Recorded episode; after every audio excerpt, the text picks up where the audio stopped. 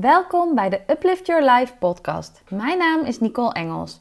Ik ben psycholoog met een grote passie voor de wet van aantrekking en ik heb de afgelopen 10 jaar honderden mensen mogen trainen en coachen in het bedrijfsleven. Het is mijn intentie om zoveel mogelijk vrouwen te inspireren om volledig vanuit hun hart te leven en te werken. Ik help je ontdekken wat het is dat jij het allerliefste wilt doen en om je hart te gaan volgen, zodat jij meer fun in je leven en je carrière gaat ervaren. Ik wens je veel luisterplezier toe.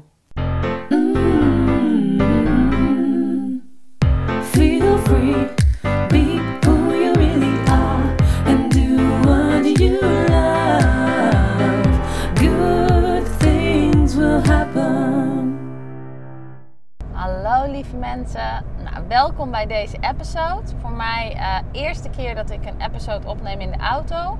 Dus ik ben super benieuwd uh, hoe het geluid is, wat de kwaliteit hiervan gaat doen. Maar ik voelde op dit moment inspiratie en um, nou, ik had wel uh, mijn microfoontje bij me. Dus ik dacht ik ga het gewoon proberen en we gaan gewoon kijken. Dus uh, fingers crossed en laten we hopen dat het goed genoeg is. En um, nou ja, dat, dat, de kwaliteit... Um, nou, dat het in ieder geval goed verstaanbaar is. Want waar ik het over wil hebben, ik wil het hebben over naar wie ben jij loyaal? Ben jij ook loyaal toe naar jezelf in je werk? Want wat mij enorm um, opviel, ik had gisteren een hele bijzondere dag. Ik had gisteren een super mooie training en in die training werd ik heel erg geraakt door een van de deelnemers in die training die merkte van hé, hey, um, het werk wat ze deden, dat, dat paste eigenlijk niet meer bij haar. Ze zat in een omgeving waar ze niet blij van werd, waar ze geen energie van kreeg.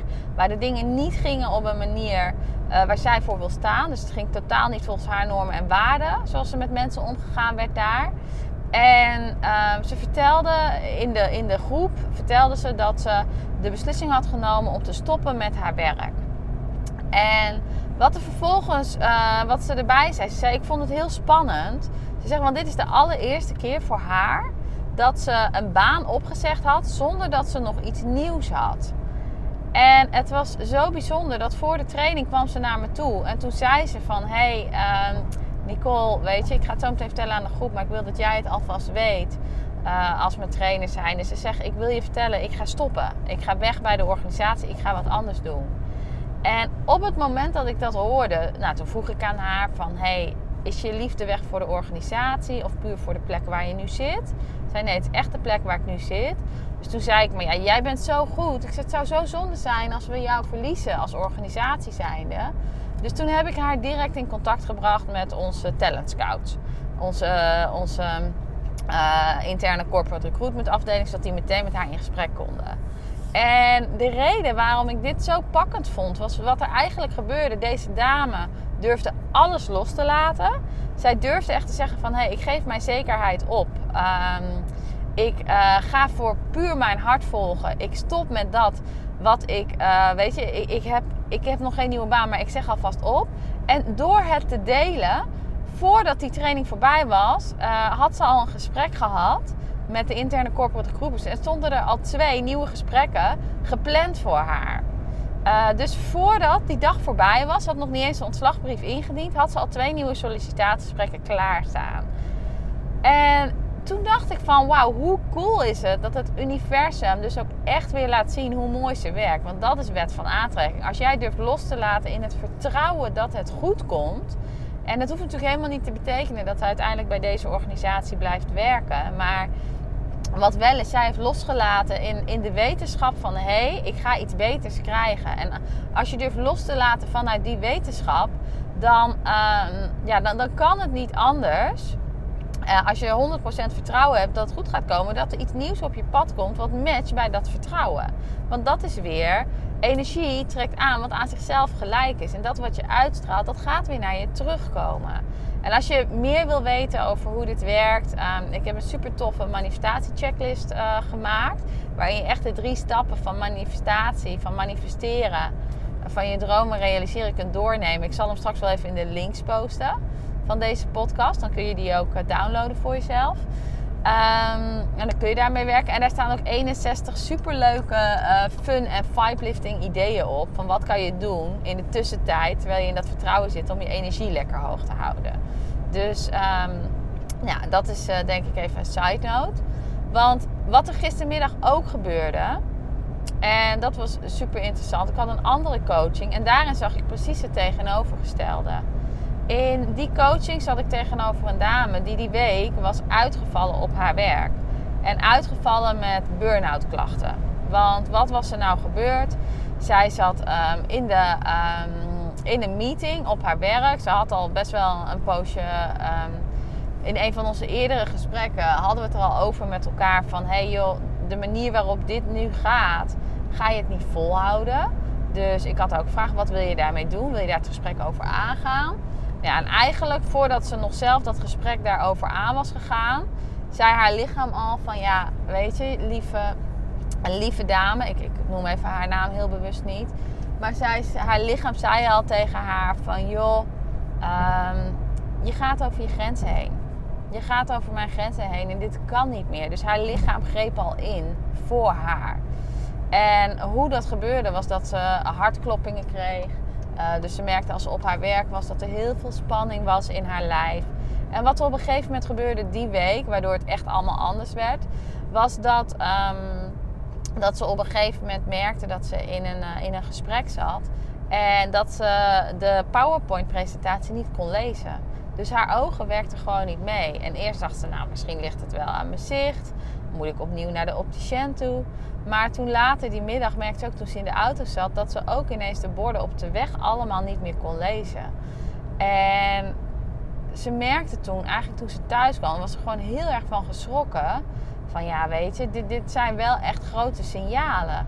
Want ze had natuurlijk de hartkloppingen. Uh, ze merkte dat ze op een gegeven moment haar zicht slechter werd... Uh, toen merkte ze dat er een nieuwe vraag gesteld aan haar werd op werk om iets op te pakken. En dat ze zonder pardon een hyperventilatieaanval kreeg. Nou ja, op een gegeven moment was ook voor haar natuurlijk van ja, hoeveel, hoeveel signalen moet je nog hebben? Dus toen is het gesprek aangegaan met haar manager. Wat super knap is, by the way. Dat vind ik echt een mega overwinning dat ze die stap heeft gedaan. En daarin heeft ze het 100% eerlijk aangegeven. Um, en van daaruit is een nieuwe situatie ontstaan, die ze dus eigenlijk ook zelf gecreëerd heeft. Want nu uh, heeft ze tijd gekregen om uit te rusten. En dat is het eerste wat op dit moment belangrijk is. Weet je, ga maar weer ontspannen. Ga maar weer bij jezelf komen. Uh, zodat je vanuit de rust dat we verder kunnen gaan kijken. En waarom nou deze intro? Want ik vertel een verhaal van een van mijn coaches.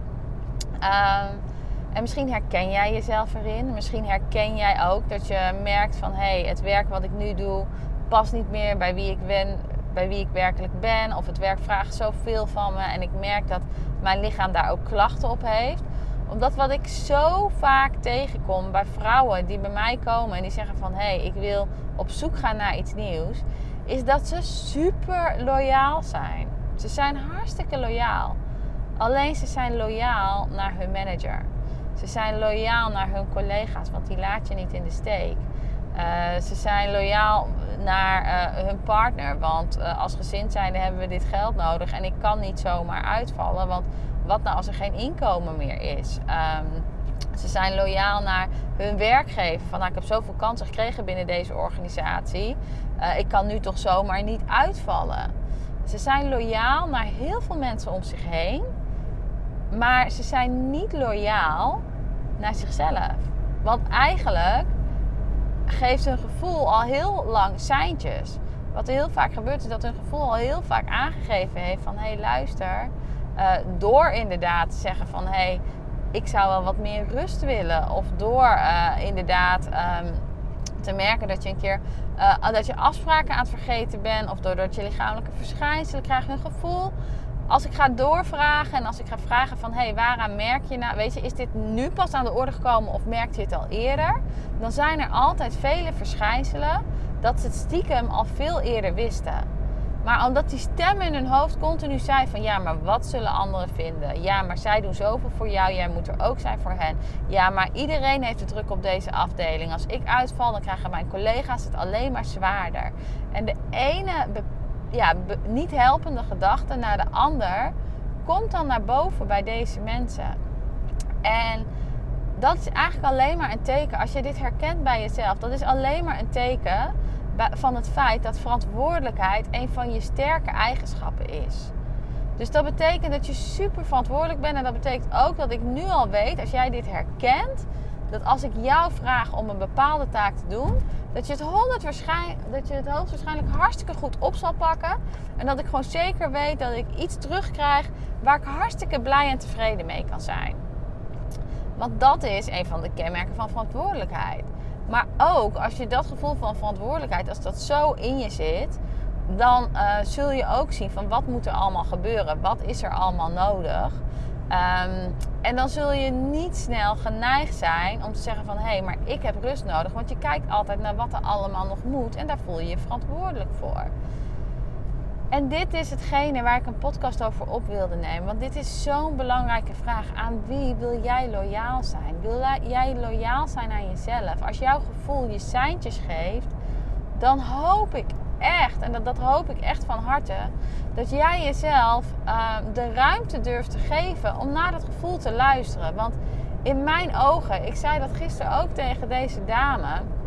En toen zei ik tegen haar van, joh, lieve, lieve, lieve dame, laat ik maar even haar naam, ja, die wil ik gewoon niet noemen. Uh, ik zei, ik vind dat je zo sterk bent op, deze, op dit moment. Ik zeg, want waarschijnlijk, zelf zag ze het als zwakte, hè? Zelf zag ze het als van, hé, hey, ik doe niet wat op dit moment van mij verwacht wordt.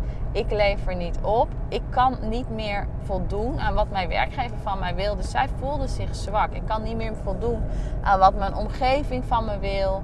Uh, want zij dacht dat iedereen haar altijd wilde zien als die sterke vrouw die maar door en door en door en door ging. En zij moest zeggen dat, ze, dat het te veel was en dat ze het even niet meer trok. Uh, dus voor haar was dat een enorm zwaktebok. Terwijl ik zei van ik vind je zo sterk op dit moment. Ik zeg, want datgene wat jij doet, datgene wat jij doet, en dit is echt massive, dit is echt big en dit is groot om te beseffen. Ik zeg, jij geeft aan op dit moment wat jij nodig hebt. En ik zeg, je gaat daarbij voorbij aan wat een ander ervan zou kunnen vinden. Je uh, maakt dat niet meer het belangrijkste.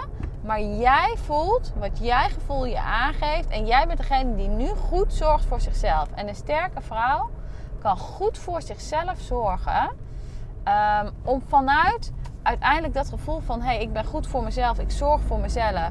Um, ik geef mezelf het beste wat ik mezelf kan geven. Om van daaruit weer te kunnen shinen en haar beste resultaat te kunnen gaan bieden. Maar daaraan vooraf gaat altijd dat je als eerste gewoon heel goed voor jezelf zorgt. En ik zeg, ik zou het veel. Er zijn ook vrouwen namelijk. En ik ben zelf een van die vrouwen geweest. Hè, want ik ben een paar jaar geleden ook drie maanden thuis geweest van werk. Dus nul judgment hier. Ik ken het. Ik heb het zelf ook gedaan. Ik vond het zelf heel lang moeilijk om op te staan voor mezelf. Moest ik echt, echt leren. En er zijn ook vrouwen die, net zoals ik dat ook heb gedaan destijds, continu kijken van hé. Hey, maar wat verwacht mijn manager van me? hey, mijn collega's hebben me nodig. hey, mijn werkgever geeft me al die kansen. Ik mag niet uitvallen. Dus ik moet maar alles doen wat ik kan doen om mij in duizend bochten te wringen. En om te blijven voldoen aan wat ik denk dat de omgeving van mij verwacht. En ik dacht destijds dat dat me sterk maakte. En eigenlijk zie ik nu van hé hey Nicole, je in alle bochten wringen om je aan te passen aan wat andere mensen van je willen dat is niet sterk. Het is juist sterk om te durven, te durven luisteren naar de stem van je hart.